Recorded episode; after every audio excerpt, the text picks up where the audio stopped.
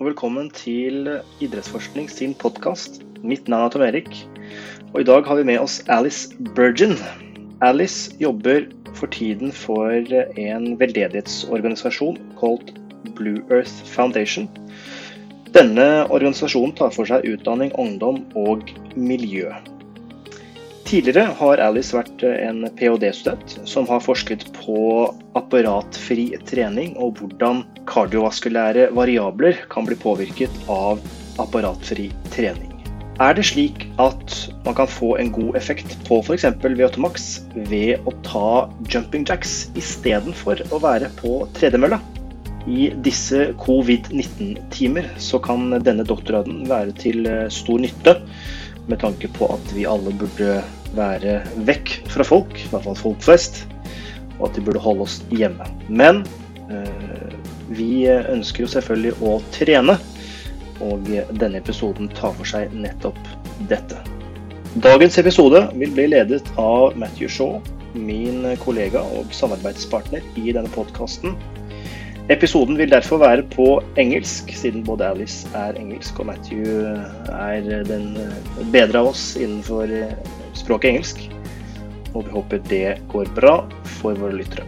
I tillegg har vi fått inn et par spørsmål som vi kommer til å svare på underveis. Og med det så ønsker vi deg en god lytting.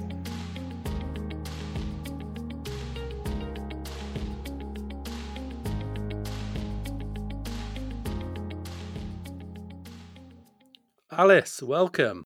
Hi, thank you for having me. How are you doing in Australia?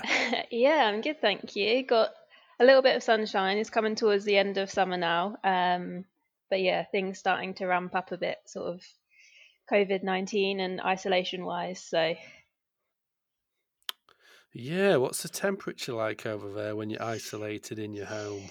um, kind of sort of mid to late 20s at the moment, um, which is fairly pleasant. But as I say, it is going towards the end of summer. So we are cooling down and getting some more rain, which is kind of welcome when it's been pretty warm so far. So,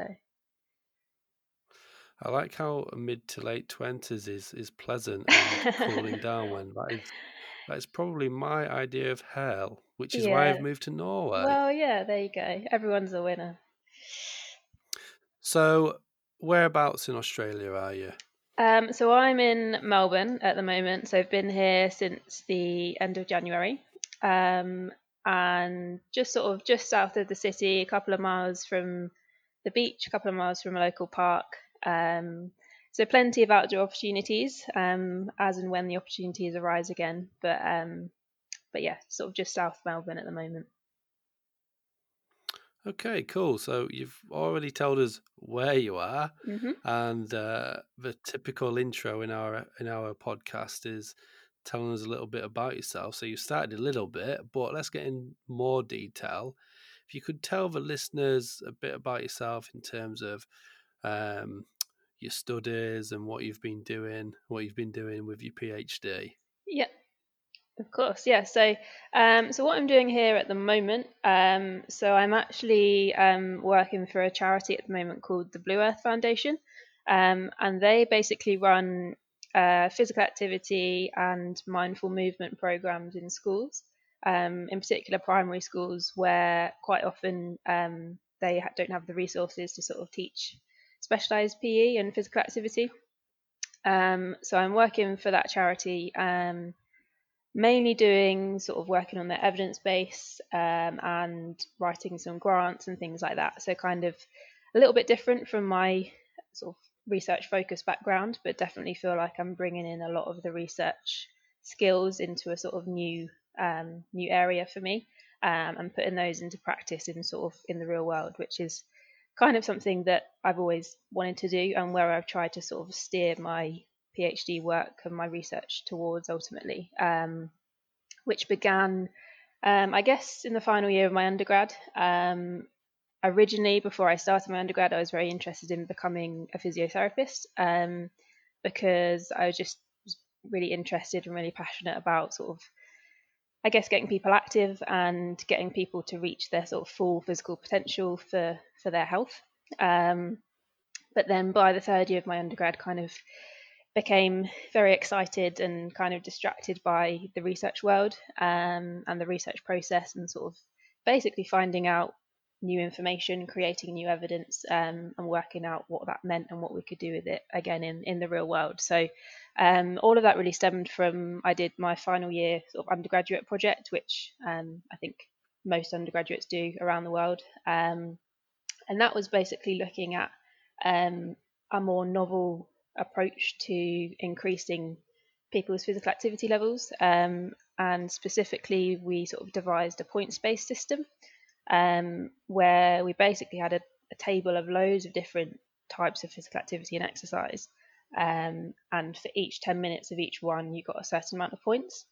Um, and just seeing if that kind of approach and giving people that choice and flexibility in how they exercise and what they can choose to do and when, whether that made it kind of more accessible and easier for people to achieve and achieve kind of a total number of points which was equal to um, what 150 minutes of moderate intensity physical activity um, would be, which, um, as we know, are the current um, recommended guidelines um, across the world. Um, and we actually found that that points based approach was a- across a 24 week, 24 week duration, so quite a quite a lengthy study. we found much more improved body composition, so body fat reduced, um, much more so than if people were just doing 150 minutes of brisk walking um, each week across that time. Um, and that in particular was in inactive females. Um, we know sort of consistently across the globe and especially in the UK that females tend to be less active than males, um, and there are kind of more specific barriers that females um, experience, which is why we focus on that population really. Um, with the idea that this increase in choice and flexibility in in exercising um, could be uh, preferable for females. Um, so that for me was a massive turning point really in my kind of career and research career. Um, I think um, sort of working with participants in research was something I realised that I really enjoyed doing, um, and kind of seeing the effects of people becoming more active and being able to become more active and sort of the benefits that they that they got from that was something that I found kind of really rewarding and kind of addictive. Um, and I guess that kind of aligns with my interest in becoming a physiotherapist. Um, again, just trying to wanting to get people more active in a way that they can and that they enjoy, um, and hope hopefully letting them see kind of the benefits that we all know physical activity um, can bring. Alice, your undergrad was in sports science?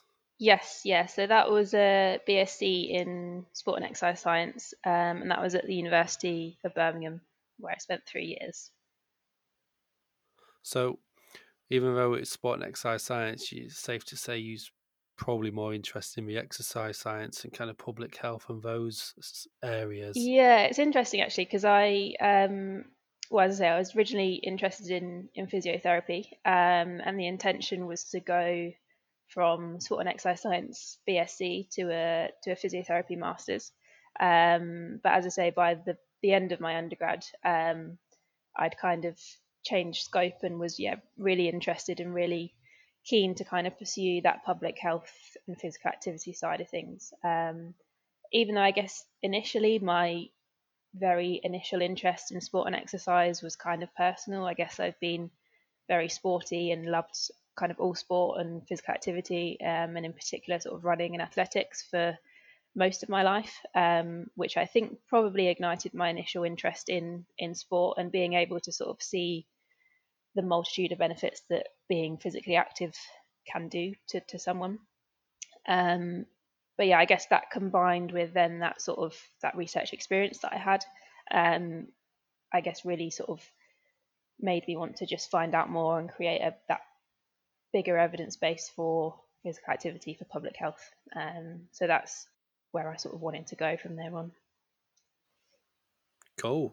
Uh, apologies if I get this wrong, but I seem to remember you went straight from undergrad to PhD, right? Yes, that's correct. Yeah, um, mainly because um, so that uh, undergrad project that I mentioned. So I did do that for my dissertation, but in total, I spent um, probably about 18 months actually, um, actually on being part of that research project team. Um, and that was kind of, it started at the end of my second year, um, just because it was a an opportunity that came up, and I thought, you know, um, being in being in university, I enjoyed learning new stuff and new skills, um, and they needed someone to sort of help out in the lab and stuff. Um, so it was just kind of running or learning how to run exercise tests and taking um, kind of circumference measurements and things like that, um, which I guess kind of gradually progressed into me becoming a pretty more integral part of of the research team, um, which then extended kind of beyond submitting my dissertation um, and across a good few months after that being part of the research team. Um, and it was actually that research team um, of which one of them moved to the University of Worcester um, after that project was completed and set up kind of an opportunity for um, for a PhD studentship.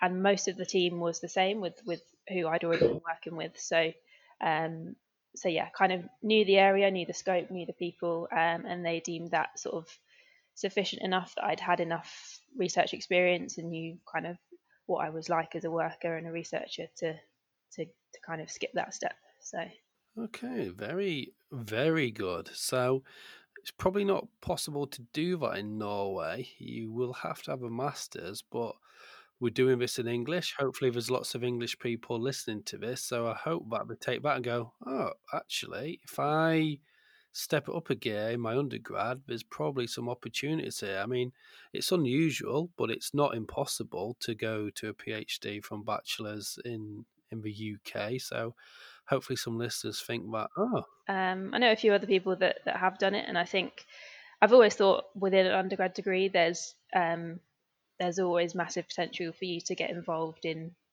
in more. Um, so I think if you feel like you've got the time and the desire to do so, I think you know there's always more to be to be gained from using that using those years kind of as wisely as you can. So um, that might not be to go straight to PhD. It might just be to get more experience for for the job that you want to go into or for, for later life. But I think yeah, that in in university you're very um, very privileged with I think the amount of opportunities that you can get involved in if, you want to. So take them.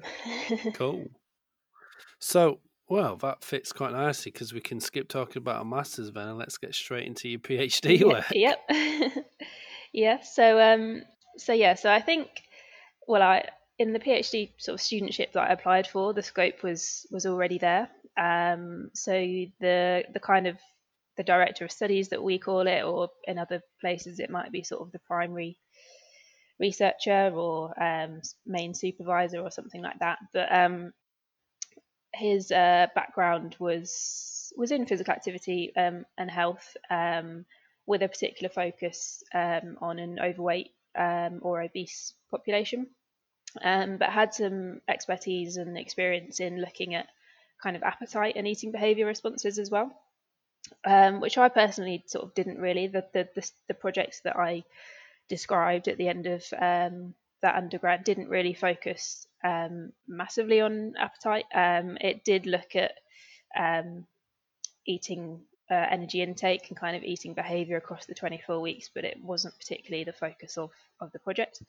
Um, so that was something new to me, but the kind of the way the project was scoped sounded really interesting in how it could be applied to um, an inactive and an overweight and obese population. So we were basically wanting to look at um, using short bouts of high intensity exercise um, and seeing the effects of those on appetite and eating behavior, um, and then how that could potentially manipulate energy balance um, through sort of uh, through eating behaviour changes um, in, in an active and overweight or obese population. So um, the scope within the scope it changed quite a lot um, as I think um, and hope most PhDs do in in that um, initial phase. I think when you eventually come to sort of narrowing down what you want the the program of research to, to look like,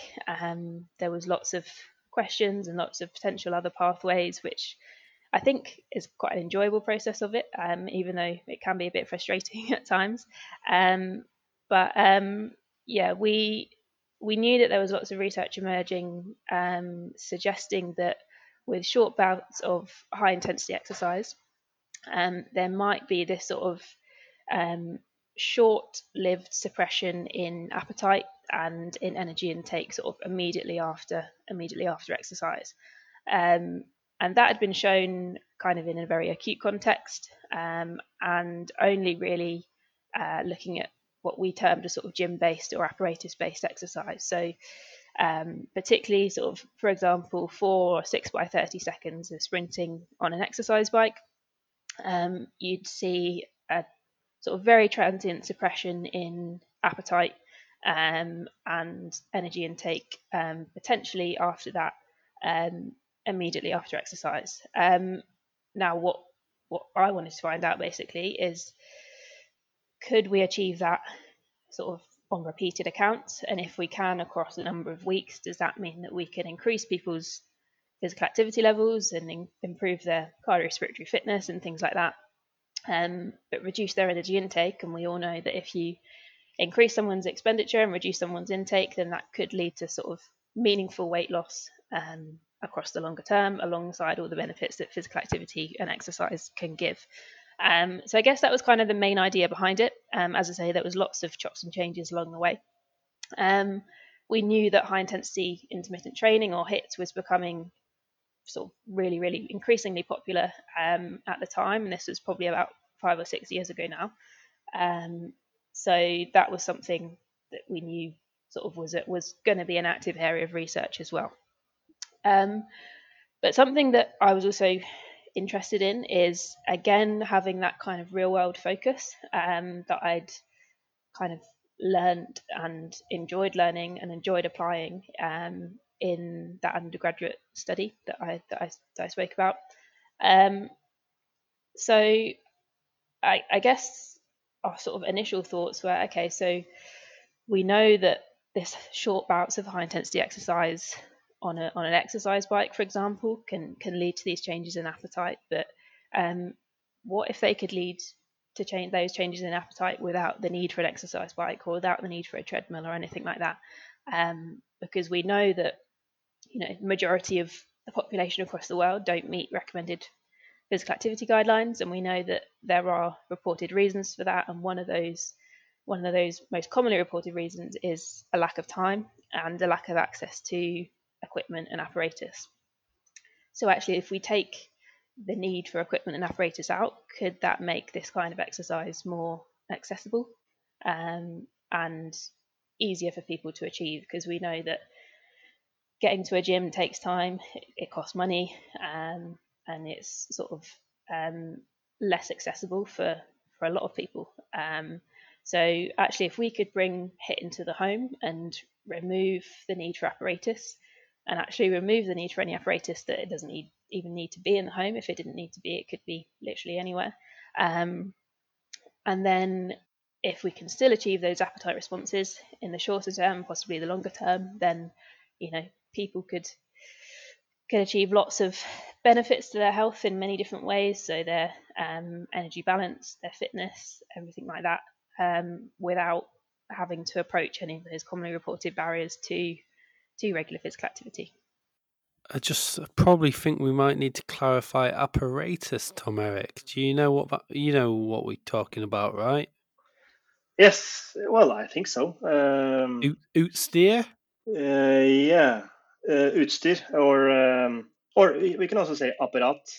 Uh, okay, yeah, yeah. But basically, we're talking about we're talking about equipment free, so body weight as the resistance. Is that correct, Alice? Yeah, I guess we define apparatus as kind of big pieces of equipment, so like a treadmill or a bike or things like that, um, as opposed to equipment. I'd probably say is something more like a hand weight or something like that. Just not that I, I need to go into that, but I guess people are more likely to to have hand weights or similar at home than they are a treadmill or a bike, for example. Um, So hand weights are uh, apparatus or not?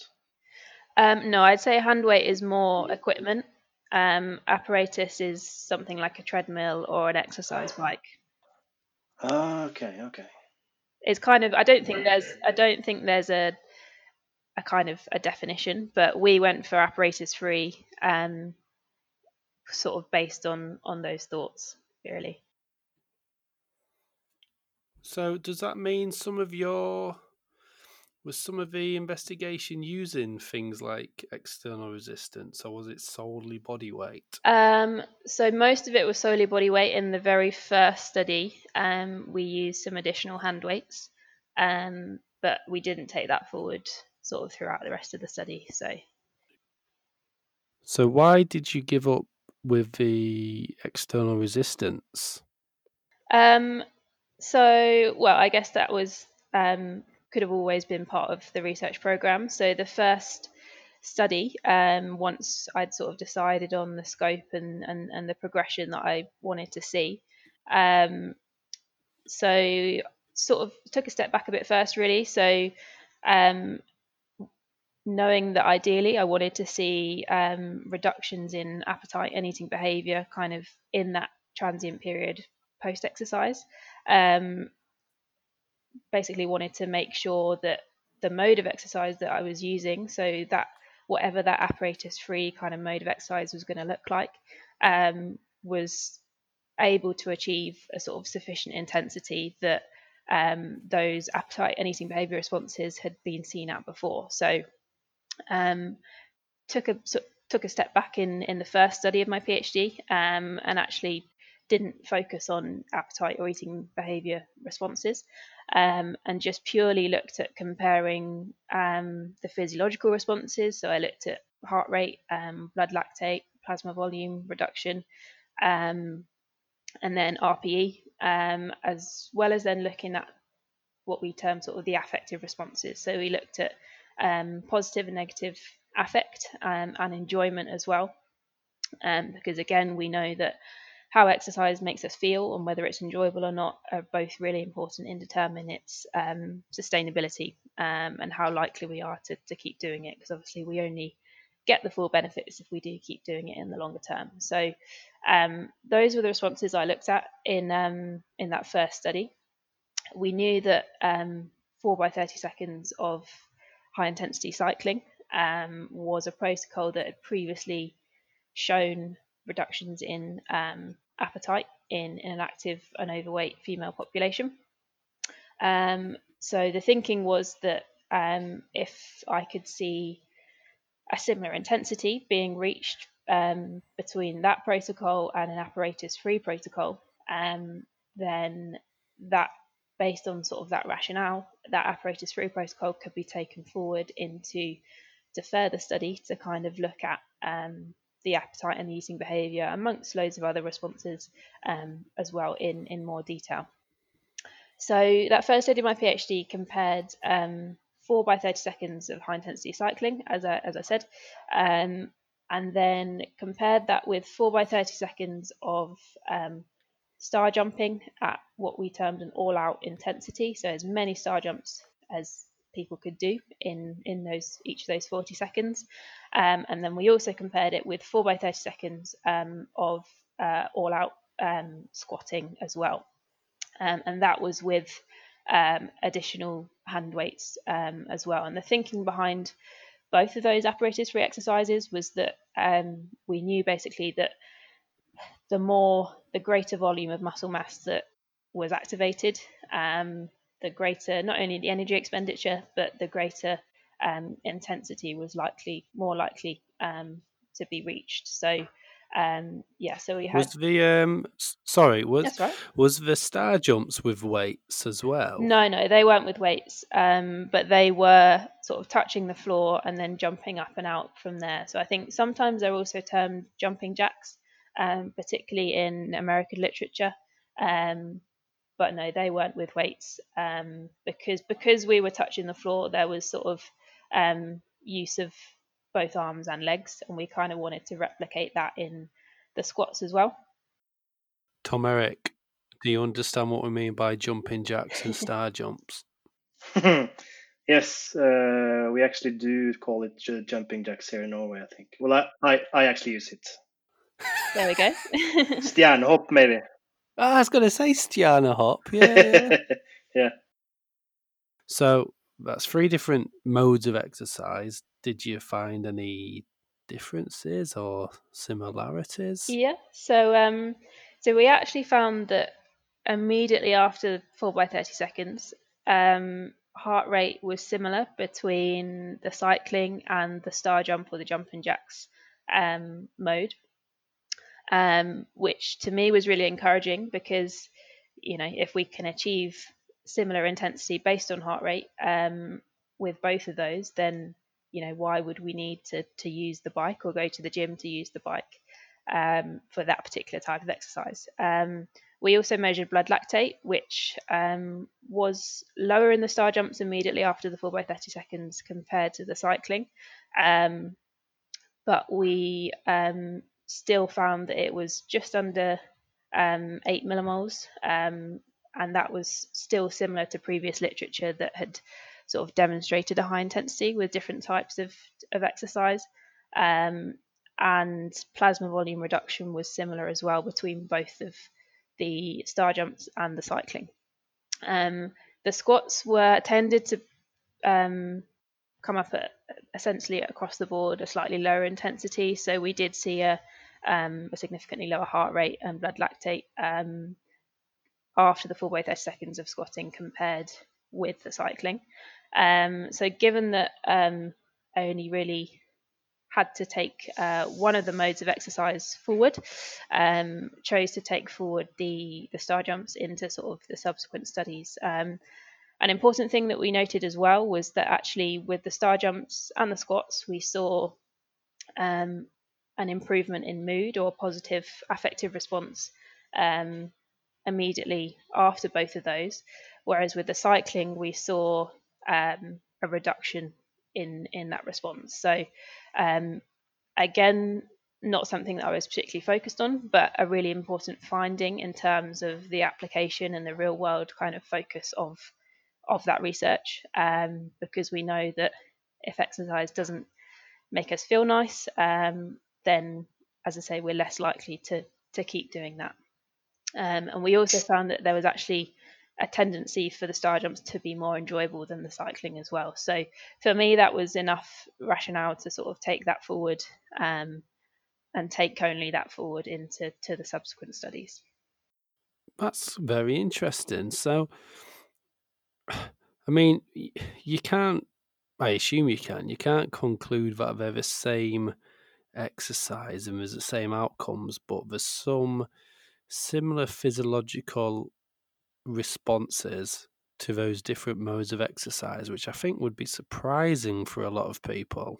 Yeah, I think so. I think I think I was quite surprised to be honest, because I think um, certainly if you've done sort of sprinting as fast as you can on an exercise bike, you you don't really think there's much that that can match the intensity that you feel you've reached. Um, but I think a lot of it is due to the um, I mean, there's evidence to suggest that because essentially with sprinting on the bike, you're just using obviously the leg muscle mass.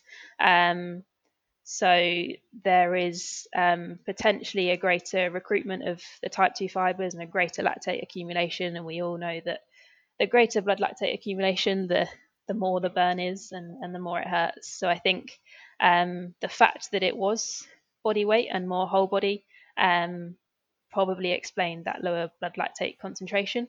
Um, but if we can still actually achieve the same heart rate, but with more sort of preferable affective and enjoyment responses, then to me that was a surprising kind of win-win, um, especially for a population that are or were um, at, at, present inactive or sufficiently active, um, sufficiently inactive, sorry, um, that um, yeah could have some promising findings in the in the longer term.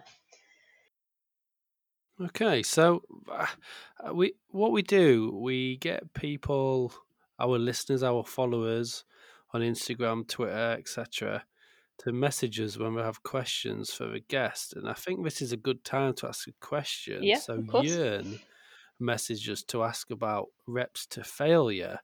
Now, is these find are these findings sorry or these this comparison is that got anything to do with when you perform the star jumps at high intensity are they are the participants performing to basically muscular failure in any way um i think i think it's probably a slightly different principle to, to performing to failure as you would do. I'm assuming they're talking about sort of resistance based exercise. Um yeah. Yeah i think I think basically for me, um, it was always going to be time limited because um, the sort of whole concept of high intensity interval training um, or high intensity intermittent training is that it's the interval, the intermittent bit is um, sort of bounded by time. So time doing the work and time for recovery and then repeating that. So um, I think it's hard to say whether they're exercising to complete failure if you're sort of limiting someone to 30 seconds or to whatever length of time. Um, but certainly the instruction for both the star jumps um, and the cycling when we when we took those forward were doing them all out. So cycling as fast as you can, um, or doing as many star jumps as you can in 30 seconds. So um, I guess it's similar in that it's the highest intensity that you can perform in that time that you're given. But as it's during that time that you are given, um, it's hard to confidently say they're exercising to failure. But um, yeah, it's uh, just probably a slightly different way of, of bounding the time, bounding the, the exercise and time. Yeah. So I know Tom has got a question, but I just want to ask one more to follow up from that. Then, so obviously we're in a we're in a pretty weird time in the world where we've got lots of people training at home yeah. for various reasons. Um, for example, in Norway, all commercial gyms are now closed, and that's oh, wow. mandated pretty much by the government. Yeah, so there's lots of home training that we're seeing going on on on social media. But to follow up from what you've just said, you might not be able to answer this, but would you say it's better to prescribe exercises based on a duration, i.e., 30 seconds, 45 seconds, rather than a number of repetitions? Okay, so so I guess if people are used to to doing a certain amount of reps for particular exercises, say in a gym as they normally would do in in normal circumstances, um, and there's absolutely nothing nothing wrong with that. And if you're seeing the benefits and you know that it works for you, then there's there's no right or wrong way to to train, I guess. Um, the reason that we we based it on on time as opposed to number of reps, um, I guess partly because it wasn't resistant exercise focused. So um, as you as you could do sort of say one one press up or one bicep curl, um, there's not really a sort of uh, a similar um, thing in cycling. Um, so we we bounded um, the cycling and the star jumps and the squats in, in that first study um, on time and just kept um, the amount of time that participants were allowed to work at an all-out intensity for the same across across each exercise mode and across each participant, which in in the HIIT literature um, and in in HIIT in sort of in gyms and things like that, that tends to be um, how it's how it's bound by time as opposed to repetitions. Um, which the beauty of that to me was that um, you know high intensity intermittent exercise is relative, um, so everybody's high intensity will be slightly different, and that's obviously dependent upon age and fitness levels and things like that. So um, even within 30 seconds, you could arguably get one of the, the fittest people in the world to to to still achieve a high intensity with with cycling or with star jumping or, or similar, um, they would just probably end up doing a lot more reps than someone with a with a lower level of fitness. But both of those people should be able to achieve um, what we term as a high intensity um, with different exercise modes. Um, and what we were looking for in terms of a high intensity was um, above 80 to 85% of your heart rate max. Um, which obviously in, in, the work that I did, we had heart rate monitors and things, but um, as a rough guide, your heart rate max um, one of the, the calculations is 220 minus your age, um, and then working out 80 to 85% of that. And anything sort of within that zone or above, um, you, well, you'd already know that you're working at high intensity, but that is um, what we'd class as uh, a high intensity being achieved with, with exercise. Cool. Tom Erik, I believe you have a question. I have uh, a thousand questions actually. Okay. no, I'm just joking. I'm just joking. But I'll start with uh, number one. Uh, so, first off, uh, what type of uh, participants did you have? Yes, so so they were an inactive population. Um, in the first study where we compared just different modes of exercise and those physiological and those affective and enjoyment responses, um, I had um, I think 18 um, inactive females, um, and then taking forward into the subsequent studies, focused on not only in an active female population, but because there was that appetite and sort of eating behaviour your focus. I wanted to do that within an overweight or obese population as well. Again, so the findings were sort of as relevant as possible to the population that they could be um, of interest to. Hmm, okay.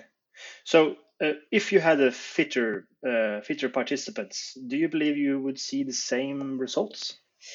Um, I think I well um, as I say, that study only focused on inactive individuals, um, so whereby their activity levels and their cardiorespiratory fitness levels were um, were reasonably low. Um, so I.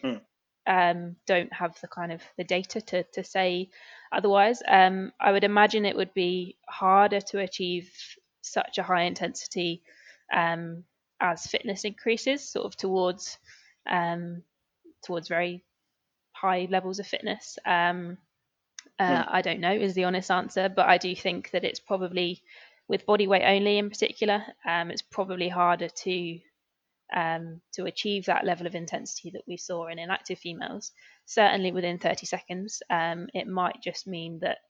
Um, well, again, another beauty of of HIIT is that it can be made up of all sorts of different lengths of durations of um, of work and rest. Um, so it would probably just be a case of manipulating those to to achieve and sort of sustain that high intensity. Um, but um, yeah, in terms of the application of my work, I'm um, not certain what that would look like. Um, but there's probably a way to to ensure that even those with a high level of fitness could could still achieve that intensity with um, with home based or apparatus free um, or body weight based high intensity exercise. Yeah. So, uh, what do you mean, or how do you define high intensity? Is it uh, eighty-five percent of heart rate, or yes? So, um, so we uh, the exact definition we well that I used um, was at or above eighty percent of um, your heart rate max, which, as I said, um, can sort of crudely be calculated by 220 minus your age and then working out 80% of that. Um, what we what I saw at the immediately following the 4 by 30 seconds of the star jumping um, was that we reached a mean um, percentage of around 88% of heart rate max um, for both the cycling and the star jumping. So so pretty high, um, and that's kind of an intensity where um, if you've ever done it and if you've never done it before, it would be sort of struggling to to string more than a couple of words together in, in kind of one breath. So um, so yeah, so breathing pretty hard. Um, and RPE, um, I think we had around sort of 15 plus. Um, so yeah, working at the the sort of harder end of that perceived exertion as well, um, which is kind of what we were looking for really. In that we asked participants to go as hard as they can within again that set time frame. So. Hmm. So you used a you use a six to twenty Borg scale, right? Yes, the six to twenty. Yep. I'm just hmm. wondering because what you just said previously was really clear. I, I think I'm thinking if uh, we have lots of personal trainers at the moment who are trying to prescribe training from distance at home. And I think what you just said about not being able to finish sentences, heavy breathing, is a really clear way of kind of prescribing the intensity. I'm just wondering is VRP is VRP useful to people who've not really trained a lot? If that um, makes sense. Yeah, no, it's a really good question. I think the reason that I used that was because um, it's very well used and consistently used in this literature. So it allowed us to kind of compare the findings um, and sort of set them within other literature. Um, but yeah, I completely agree. If you're if you're not used to using that, and it's certainly not a sort of easily accessible scale that is sort of used in gyms or anywhere else. Um, I think if you're not used to using that, I think essentially the instruction that I gave to participants was just do as many um, star jumps or cycle as hard as you can in in the 30 seconds, um, which can admittedly take a little bit of practice. But I think as long as you're doing it as hard as you think you can, um, that's very likely to be reaching your high intensity, which, as I say, is is relative to each person. Um, but that's the beauty of it. So. Um, if you get to the end of your 30 seconds and you don't think you could have done much more, and your heart's beating pretty fast, and you couldn't um, you couldn't string a sentence together at the end of that 30 seconds, then you're probably in the right sort of intensity zone, I would say. Okay. Um, I've got a question and I need to ask it because I don't know what Tom Erik's going to ask, so I'm going to jump in quick. It's the, it's the same, I think. Uh, well, can I ask it and then see if it's the same? Yeah, yeah, yeah, yeah. Sure. Well, it's a it's a two parter maybe a three parter. Okay, go on. Maybe maybe maybe, maybe a four. um, did you supervise every um, participant's training when you in your intervention? Um, so in that first study I talked about where we just looked at the physiological and the affective and enjoyment responses, um, that was all supervised. Um, I tried to refrain from giving participants masses of encouragement because um, the thinking behind that being that sort of um, the more encouragement is given, we might be able to squeeze another sort of few percents of, of intensity out of them. Um, but I always knew that the aim of that study in the long run was to to um, be able to inform a home based intervention, which by nature wasn't going to be supervised by me. So um, so after that first study, I um, took those findings forward into um, another acute study, which again was supervised, looking into more detail um, at the appetite and eating behaviour responses, which I can go into more detail um, later on if you wish. But um, the results of both of those studies were then put into um, a home based intervention, um, which was eight weeks long. and getting participants on three days a week to do four by 30 seconds of the jumping jacks twice a day. Um, and obviously by nature that was was unsupervised. Um, obviously, prior to to them entering the study, we did all the sort of ethical and medical checks that um, that we had to, and participants were provided with a heart rate monitor so that they could um, monitor their heart rate um, sort of during the exercise, and then I got the data from each of those sessions. Um, they were also provided with that six to twenty RPE scale, um, and were asked to rate um, on certain occasions where they were at the end of the 4 by 30 seconds. Um, but yeah, I wasn't physically present um, for the exercise um, across the intervention, but um, that was something that I was really keen to do, to be honest, because I think until we know if it works outside of the lab and in a in a real world setting such as the home, um, we don't really know how um, effective um, it is. So there was, I had quite a big focus on effectiveness um, versus efficaciousness in in in my PhD sort of throughout.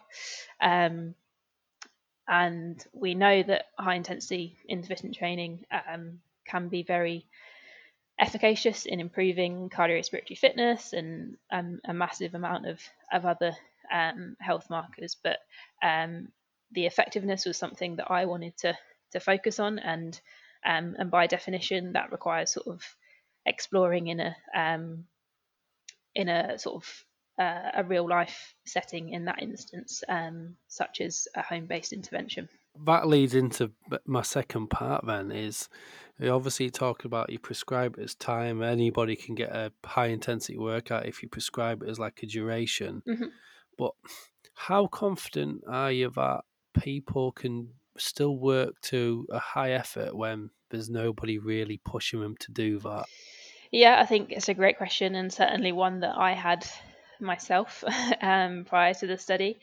Um, I think, well, and I know that having given the participants the heart rate monitor, um, I know that, um, you know, most of the time, um, the target sort of heart rate of that um, 80% or at least 80% heart rate max was was achieved. Um, we did see a drop off, um, interestingly, across each week of the sort of mean heart rate peak achieved for for all participants. Um, which there's two potential reasons for that. I think one of them is that um, they're just their adherence to intensity dropped off, which could be for for reasons due to being unsupervised or or others. Um, it could also be due to their fitness increasing slightly, um, which we did see across the eight weeks. So we saw an average of an 8% improvement in cardiorespiratory fitness. Um, so yeah, back to your question, I think I think there's always a possibility of that, um, and I don't think we'd necessarily ever, uh, in a sort of real world setting, I don't think we'd ever really get past that or around that because I think that is kind of one of the the principles of it being unsupervised and real world focused is that we have to allow participants to kind of lead um, lead on that and just give them as much sort of instruction um, and ability to monitor that instruction and that intensity as possible, which is what, um, as I say, I tried to try to achieve with that.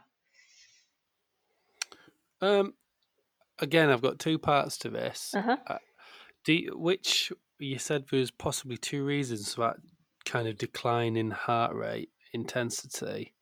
Which one do you think is more likely, them getting fitter or they just not performing as hard work as the Um, intervention went on? yeah, I think I think honestly probably a little bit of both. I think um, I don't deny that um, with it being unsupervised, um, that that they perhaps could have gone a slightly higher intensity across each of those eight weeks. Um, but I think, as I say, that's that's one of the things with a an intervention outside of the lab um, and outside of it being supervised that is just kind of just going to be a thing that um, that we know could be happening. Um, interestingly, there was actually another study um, recently published that directly compared um, a home-based HIIT intervention with a lab-based one. So they were both um, sort of the same duration. So I think they both did five by one minutes of, of either cycling um, or apparatus free exercises. So things like star jumps, and then I think they did um, sort of static sprinting and things like that. Um, they saw significant improvements in uh, in cardiorespiratory fitness in both types of exercise. Um, and however, the lab based one, it wasn't significantly greater improvement, but the, the sort of magnitude of the improvement in cardiorespiratory fitness in the lab based study was was higher than that of the home based study. So I think there is something to be said that if it's unsupervised and home based, that there is a chance that um, intensity and then therefore the adaptations could be attenuated somewhat. But I think it's important to remember that any improvements are still good. Um, we know that cardiorespiratory fitness is probably the strongest marker of, of all cause mortality and of cardiovascular related mortality, um, and that improving that in any magnitude is good. Um, and for me, I think looking at the bigger picture, I think if it if creating a bigger evidence base for home based exercise interventions um, means that they're more accessible for people to do at home, which therefore means that they're more likely to to do it and to keep doing it. Um, for me, that's arguably um, more beneficial to to the to the bigger picture than showing that a lab based study works and could work better than a home-based study because I think, as I said, there's lots of commonly reported barriers to regular physical activity that include a lack of time, a lack of access to equipment and apparatus, um, cost, so sort of cost for gym membership and things like that. And I think if we can show that actually you don't need those things as much as you think you do, um, and then sort of follow that up with potential home-based programs that people can do, I think um, that could get more people uh, doing more exercise and hopefully getting fitter from that than um, than doing nothing at all. Um, and it's that that shift from sort of complete inactivity to doing some level of physical activity that we will um, likely see the biggest improvement in in health in. So. Um, yeah, it's a very long-winded answer to your question, but um, hopefully answers it. uh, no, I, th- I, think it does. It definitely uh, provides us opportunity to ask some other relevant questions, and I think Tom Erik has one now. Yeah, uh, well, uh, we got a question from um, a listener here, actually a former uh, guest of ours, Marie Moltebakk, um, and you actually have answered it, but uh, just to uh, anerkjenne, it's a Norwegian word, I don't know it in English, I'm sorry about that. Recon- uh, recognize, yeah, recognize, recognize. the question. Yeah. Yeah. Um, like um, she asks um, how we Acknowledge is the better word. acknowledge. Yeah, sure. Uh, wonders how we amateurs can train on our, on our own and how knowing uh, what intensity is good enough or optimal enough. And you have said that with RPE or heavy breathing. So uh, that's that's uh, answers your questions, uh, Maria. And I have a comment on this um, on this study you mentioned about static sprinting and so forth. Yep. This was with uh, the documentary with Michael Mosley, right, on BBC. I think it might have been actually. Yeah, I think it might have been televised. Yeah.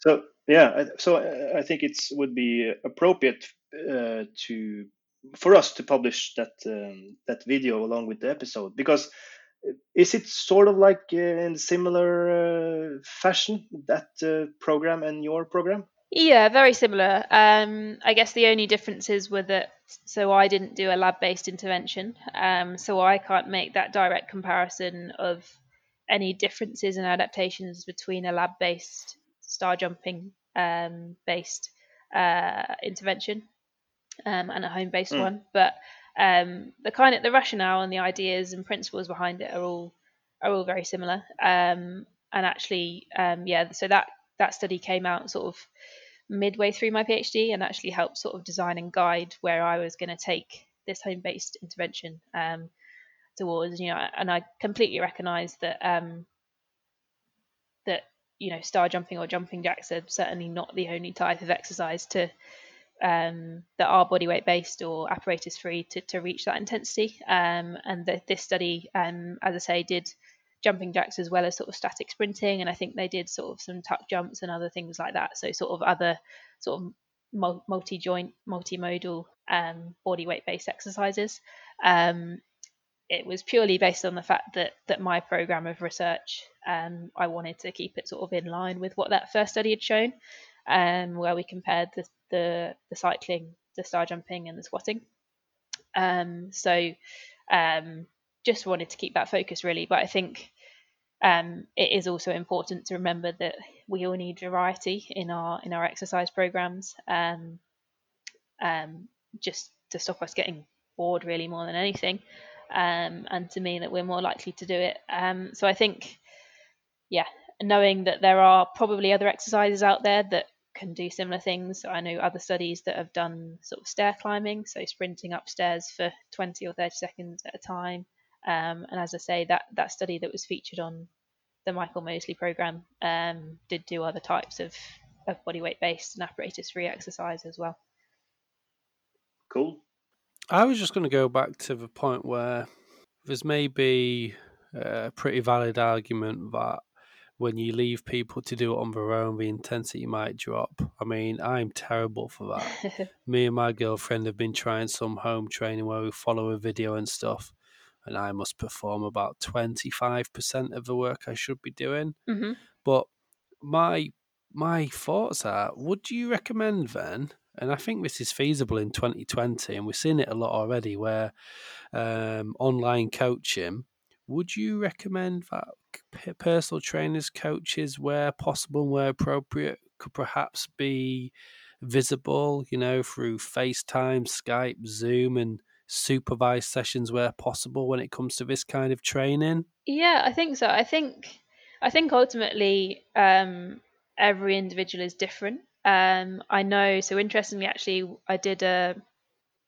um, another measure at the end of the eight weeks um, of the intervention in in my final study in my PhD, um, of which one of the questions asked participants if they would have preferred to exercise in a group. Um, and actually, interestingly, I think um, two thirds of them said no. Um, now, obviously, in a group is probably referring to a group in a sort of physical setting um, as opposed to anything online. But I think it's important to remember that um, it is very individual, and some people actually may prefer exercising on their own. Um, but some people would certainly prefer to exercise um, in a group. So whether it's kind of um, I don't know, with the technology we have these days, whether it would kind of be Skyping or videoing kind of a group of exercises into one, or whether it would be that sort of one one on one kind of personal training or coaching, I think would probably just depend on the individual and the circumstances. Um, I definitely think that online sort of coaching or training is um, has got massive potential.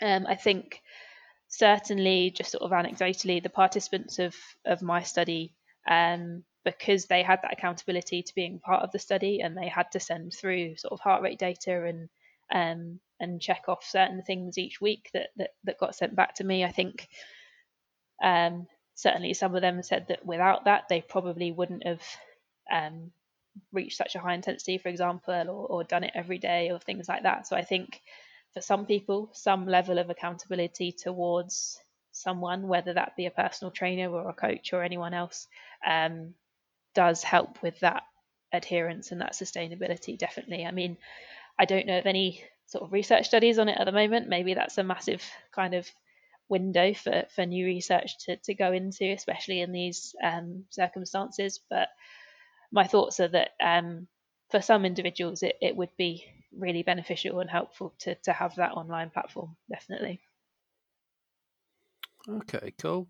Well, uh, as I said towards the start, this is we've tried to get you in pre- pretty quickly because of the current situation. Mm-hmm. Um, in Norway, basically all sport is closed or closed down. Um, but there's still things popping up on social media where community groups have basically been telling people please stop training in groups. Right. Um, and the town where me and Tom Erik live, you can still see that little bit. I was walking today near the local athletics track, and you still got maybe ten people training, and there's almost perhaps this desperation to carry on, carry on exercising.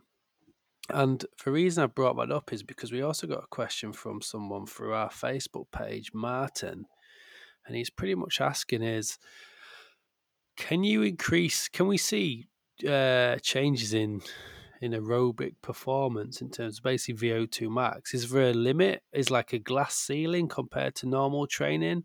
And the reason I ask that is because I think perhaps people aren't adhering fully to the current government advice because they probably don't buy into really, can I actually train in my kitchen or living room and get some genuine yeah. physiological benefit to that?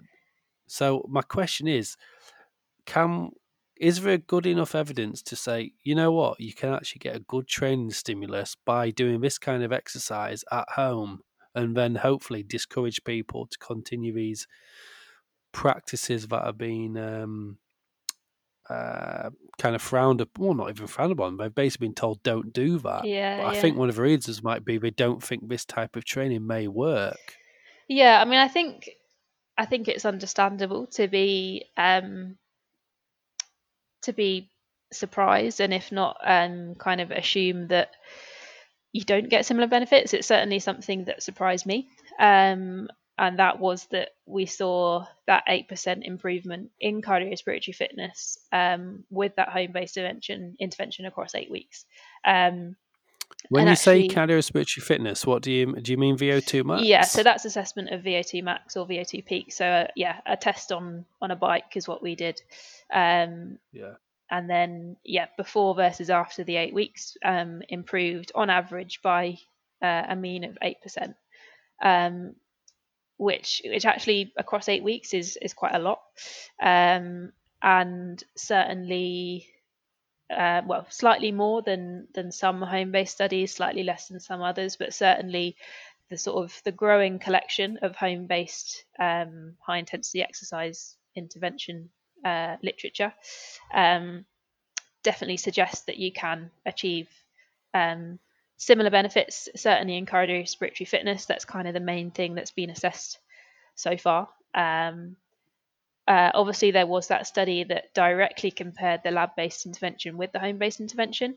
Um, there wasn't a significant difference in improvement between the cardiorespiratory fitness um, between the two two groups, um, but does suggest that maybe the magnitude of the improvement could be um, slightly attenuated with home based exercise, um, and for reasons that we've probably um, kind of anecdotally discussed. Um, but certainly the magnitude of improvement that I saw in my study and other home based studies have seen um, is certainly meaningful for, for health. Um, and in fact, any improvement in cardiorespiratory fitness we know is beneficial. I think the hesitation is probably also around, I imagine or know that lots of people prefer that social support when they're when they're exercising.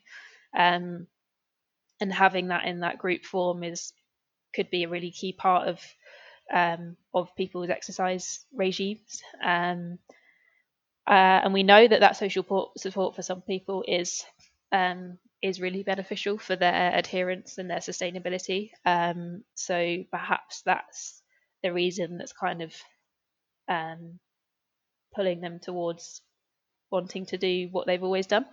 Um, but as you say, in these current circumstances, um, if it's not advised, then there could be kind of other novel ways that we could seek that social support. So whether that's online or whether that's um, just creating your kind of your own virtual group through a through an online platform, you could um, still look to to seek those social support kind of opportunities through different means that that are more um, more allowed in in the current circumstances is would be my suggestions and my advice really.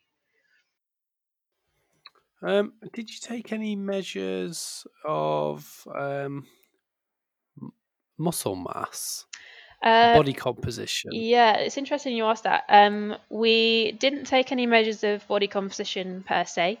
Um, we did see a significant reduction in waist circumference across the eight weeks in that overweight um, or obese and inactive female population. Um, which um, I was really pleased with. Um, we didn't see any changes in body mass itself, um, but I wasn't necessarily expecting that because we know that with exercise you typically need more than eight weeks to sort of see see changes in that, unless you're sort of dieting quite heavily or um, there's quite big sort of calorie restriction. Um, so yeah, so we saw that reduction in, in waist circumference. Um, I didn't take any other body composition um, measures. I would have loved to got access to a DEXA scanner and sort of see um, the reasons behind that reduction in, in waist circumference, um, which obviously could be due to a reduction in, in abdominal fat. Um, I can't say that for sure, but um, was also uh, then sort of got me thinking about potential changes in in muscle mass um, because obviously the sort of the thinking behind the the the modes of exercise um, that I uh, sort of was was looking out at um, at the start of the PhD and took forward into this home based study um, was sort of cardio respiratory fitness focused. Um, but certainly would have been really interesting to see any changes in muscle mass um, alongside body fat as well. Um, and there is sort of growing interest in that in the literature. There's um, been sort of mention of what um, is now known as high intensity functional training, um, which is kind of a different type of HIIT, basically, um, but just focus on sort of those multi joint, multimodal um, types of exercise.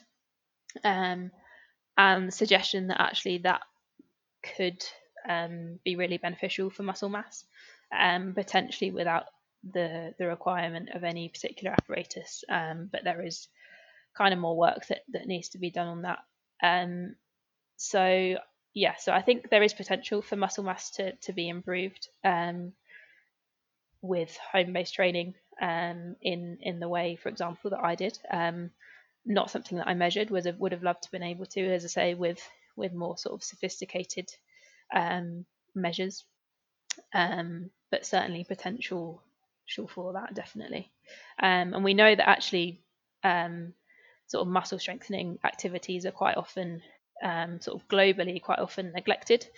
Um, so having some appreciation of that um, and potentially having an ability to to um, adhere to those guidelines again in a home-based setting could be really beneficial for for populations definitely. I just want to ask uh, to follow up to that then.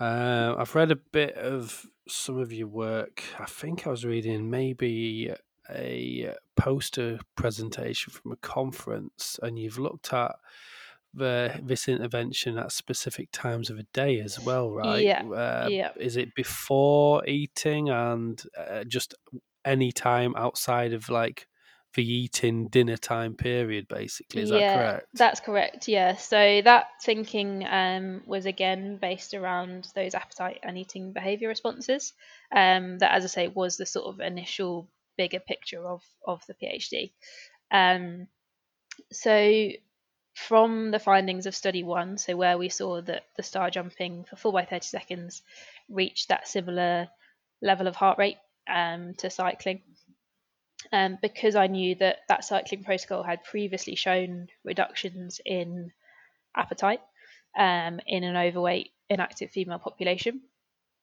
Um, I then took forward that um, star jumping 4 by 30 seconds protocol into the second study of my PhD, um, which, as I said, as I mentioned before, focused more on the appetite and eating behavior responses.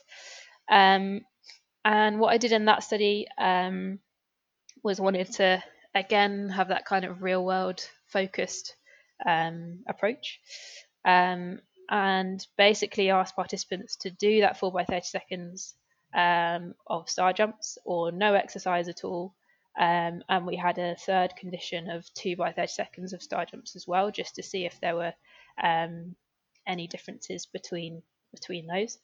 Um, they they did that condition um, or well, each participant did all conditions on different days, and then immediately after the exercise or the rest, um, took those physiological measures again, um, and again achieved similar levels of, of heart rate and blood lactate to what study one showed.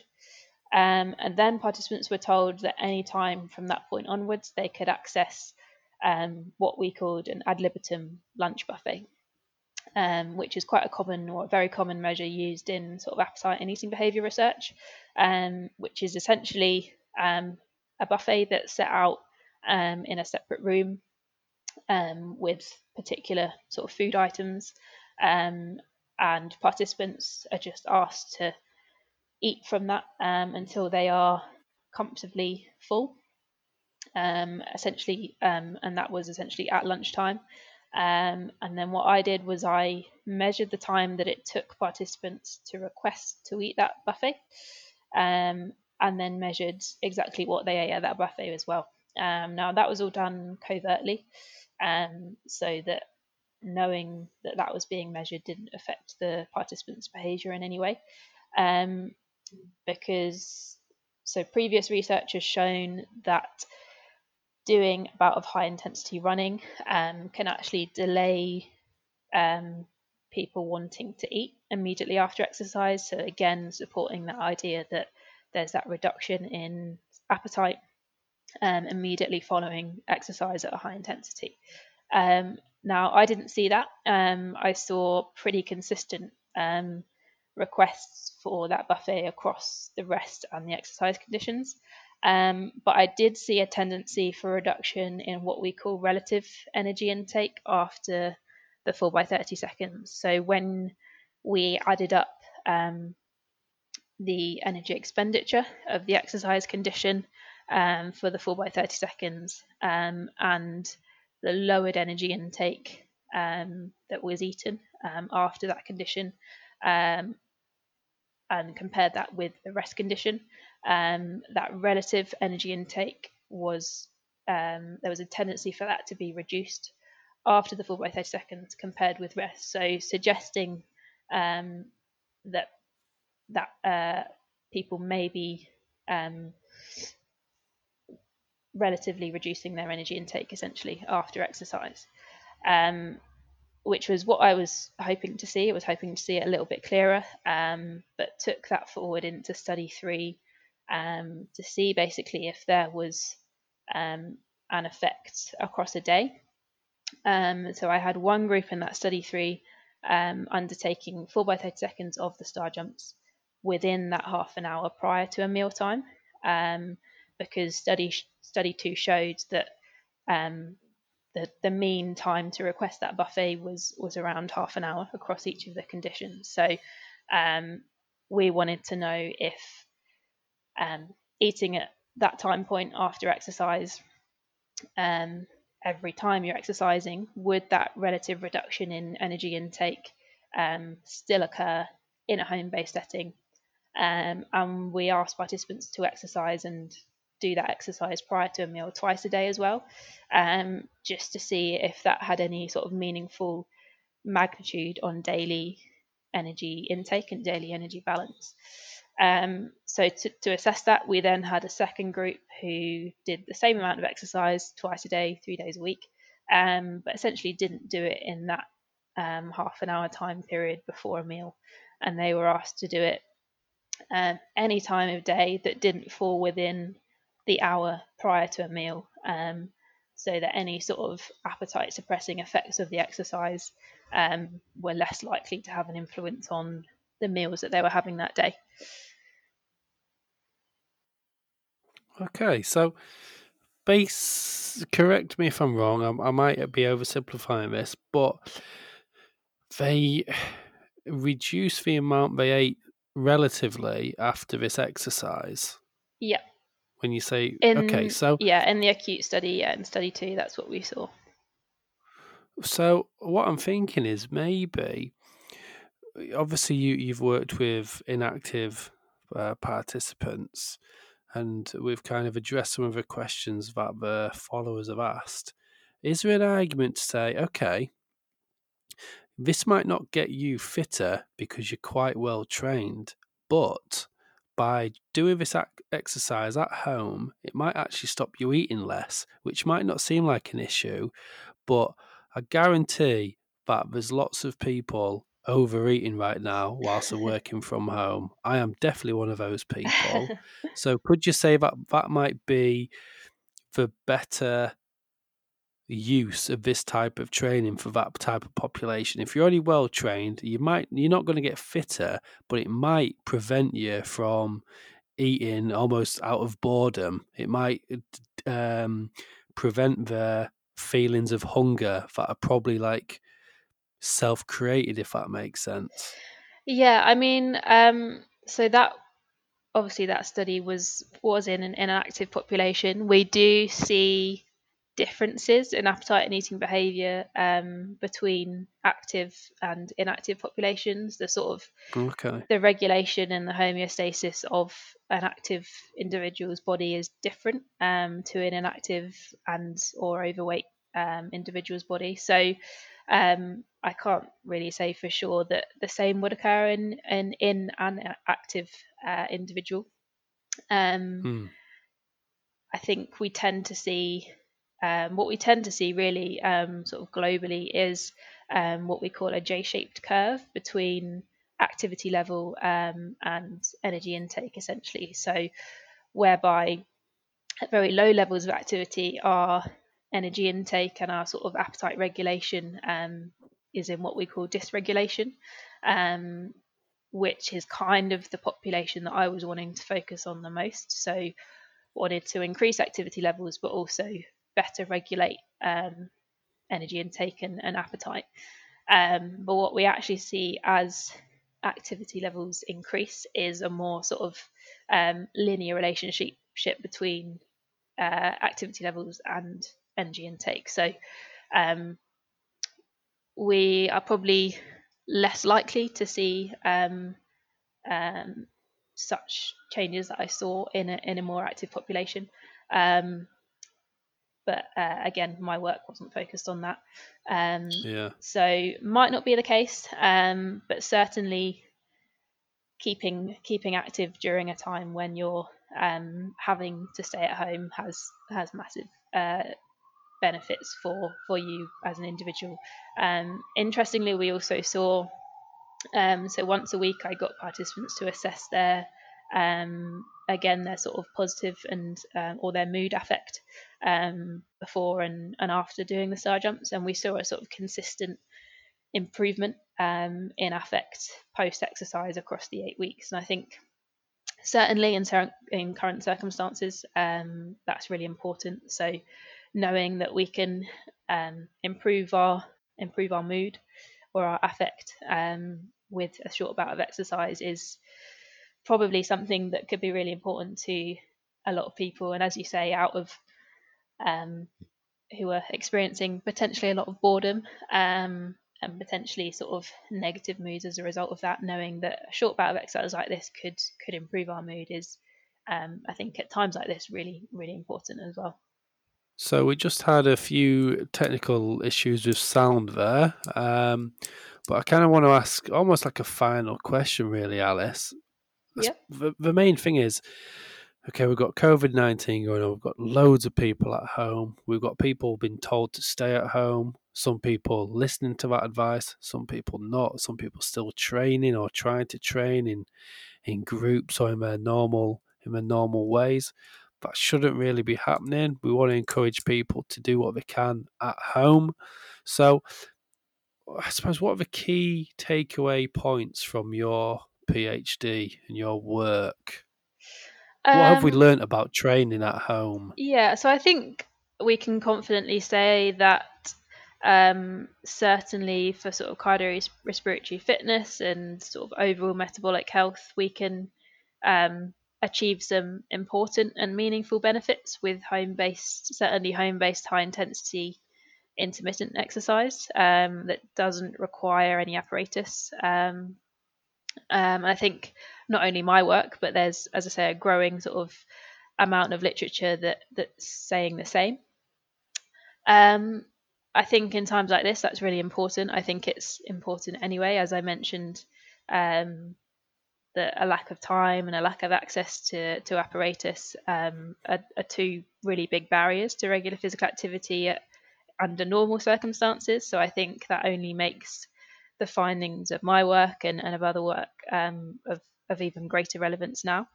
Um, I think the fact that we saw that consistent improvement in in affect um, following exercise is again at these current circumstances really important. I think there could be a lot of, um, as you mentioned, people getting sort of bored and and, and low um, from just um, being at home all the time.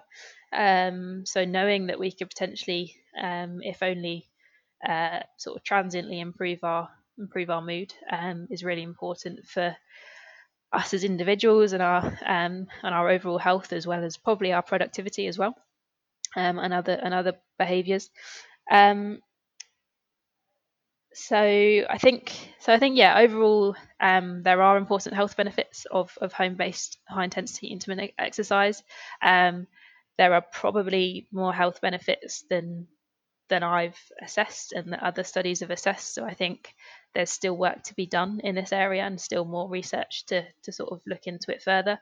Um, perhaps now this becomes a bigger, even bigger potential window for research um, given the current circumstances. So I think that could, um, a positive of the current situation could be that um, the evidence base for home based training is is only sort of uh, only grows from now.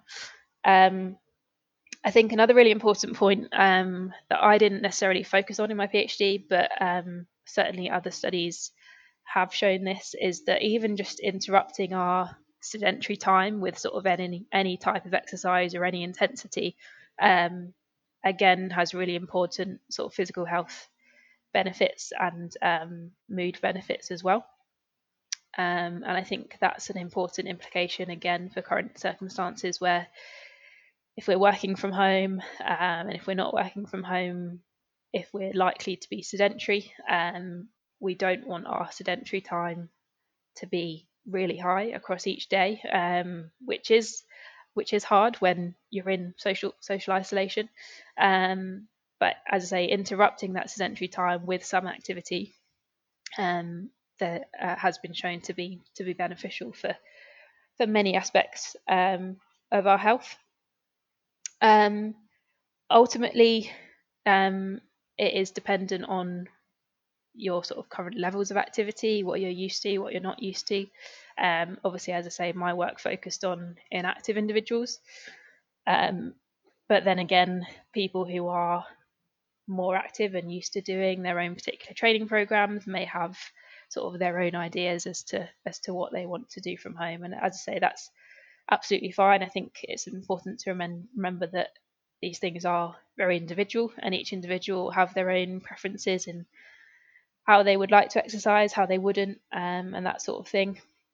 Um, I think if you're able to to create an online sort of social support, um, if if you can, and if that's helpful for you, then that could be great. And I think hopefully we'll see emerging opportunities for that.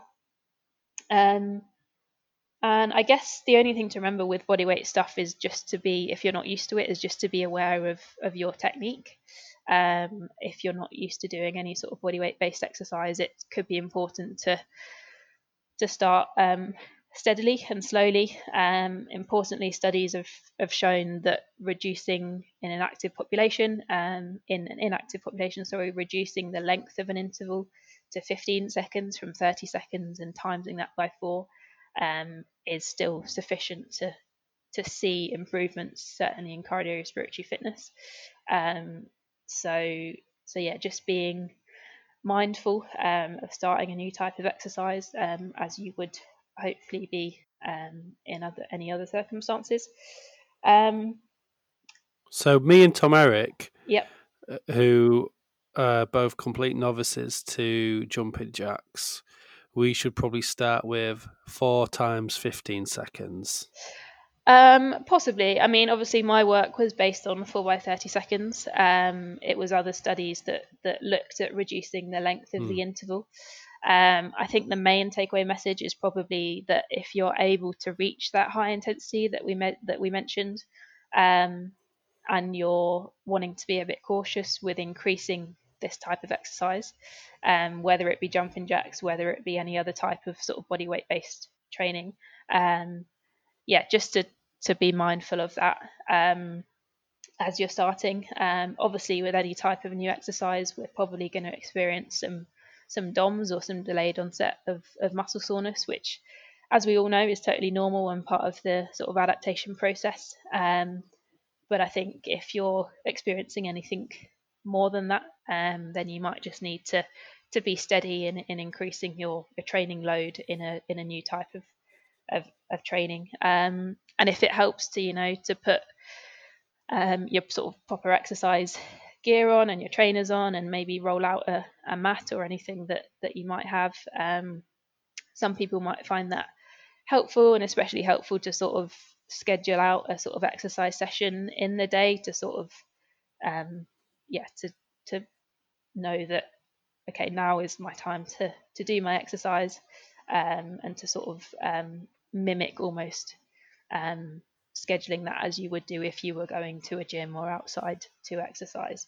Um, I think another takeaway point of, of my work is that in terms of the timing um, and the physiological responses, there were was no difference in cardiorespiratory fitness improvement or um, or waist circumference um, reduction or anything um, between the two groups in that final study that exercise at different times of day. So I think the positive of that is that essentially for those benefits we can arguably exercise any time of the day that suits us. So um, there is that flexibility with home based training as well that it can, um, and the benefit of it is that you can fit it into and around your day in kind of whatever manner works. Um, and then within that, if it if there's a particular time that does work for you, then you're still um, probably going to be able to achieve the same benefits that that you would be able to do any other time of the day um, and in any other way of, of exercising um, outside of the home as well.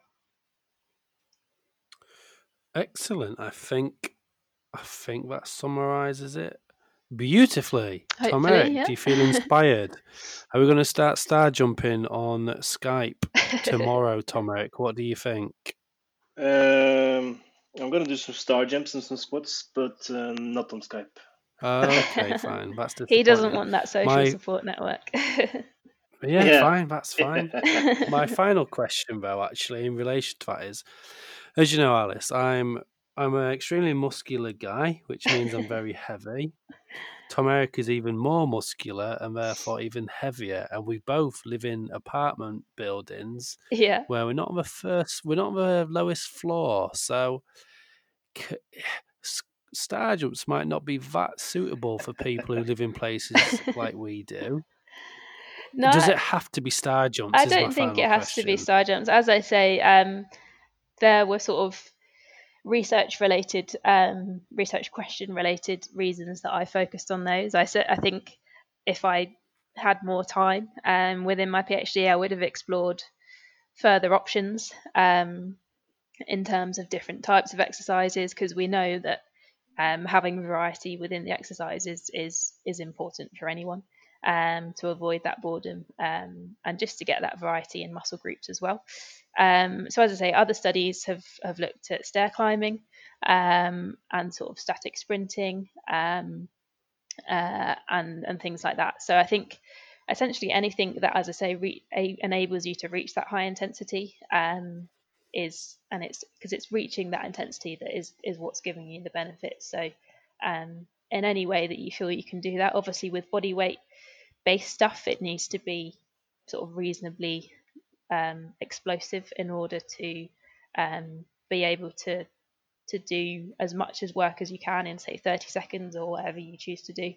Um, so there is limitations in terms of um, it's it's going to be um, some form of sort of running or jumping very likely, but um, there is variety that you can can explore kind of um, kind of within that. And I guess on top of that, it's just important to remember to to do some as you normally would do with other type types of exercise, um, to do some sort of uh, steady warming up and, and cooling down before and after to to just ensure that you're um, yeah you're going to be able to reap as many benefits as you can and, and doing it safely um, as well. So whether that's walking or jogging on the spot or anything um, along those lines or whatever you would normally do, um, you can still replicate in the home as well.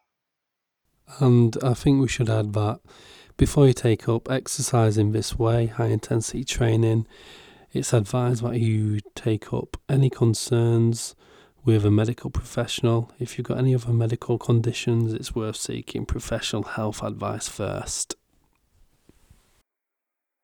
Excellent. So, I know that you're currently kind of taking a break from research, Yep. but as we always do in our episodes, if people want to get in touch with you about your specific PhD or generally speak to you about this kind of training, you, you're on ResearchGate. Yep. Um, Is there another way to maybe get in touch with you? What What do you prefer? What's your social media preferences? Um, I don't really have any preferences. As you say, I'm on ResearchGate, um, which is just my name, so Alice Bergin. Um, I'm on Twitter, um, which again is just my name. So I think my handle is at and then underscore Alice Bergin. Um, so Twitter or ResearchGate, um, or email as well. Um, as I mentioned at the start, I'm um, currently not in uh, an academic institution, but my email address with the the foundation that I'm working for at the moment, um, I'm contactable on um, as well. So I can put that in um, the tweet, um, and people can can contact me on there as well if they wish with any questions. Excellent. So, um, thank you very much for taking the time to join us, Alice. No, that is all right. Of course, it's been really enjoyable and hopefully helpful for people. Um, and yeah, it's been great to be on. So, excellent.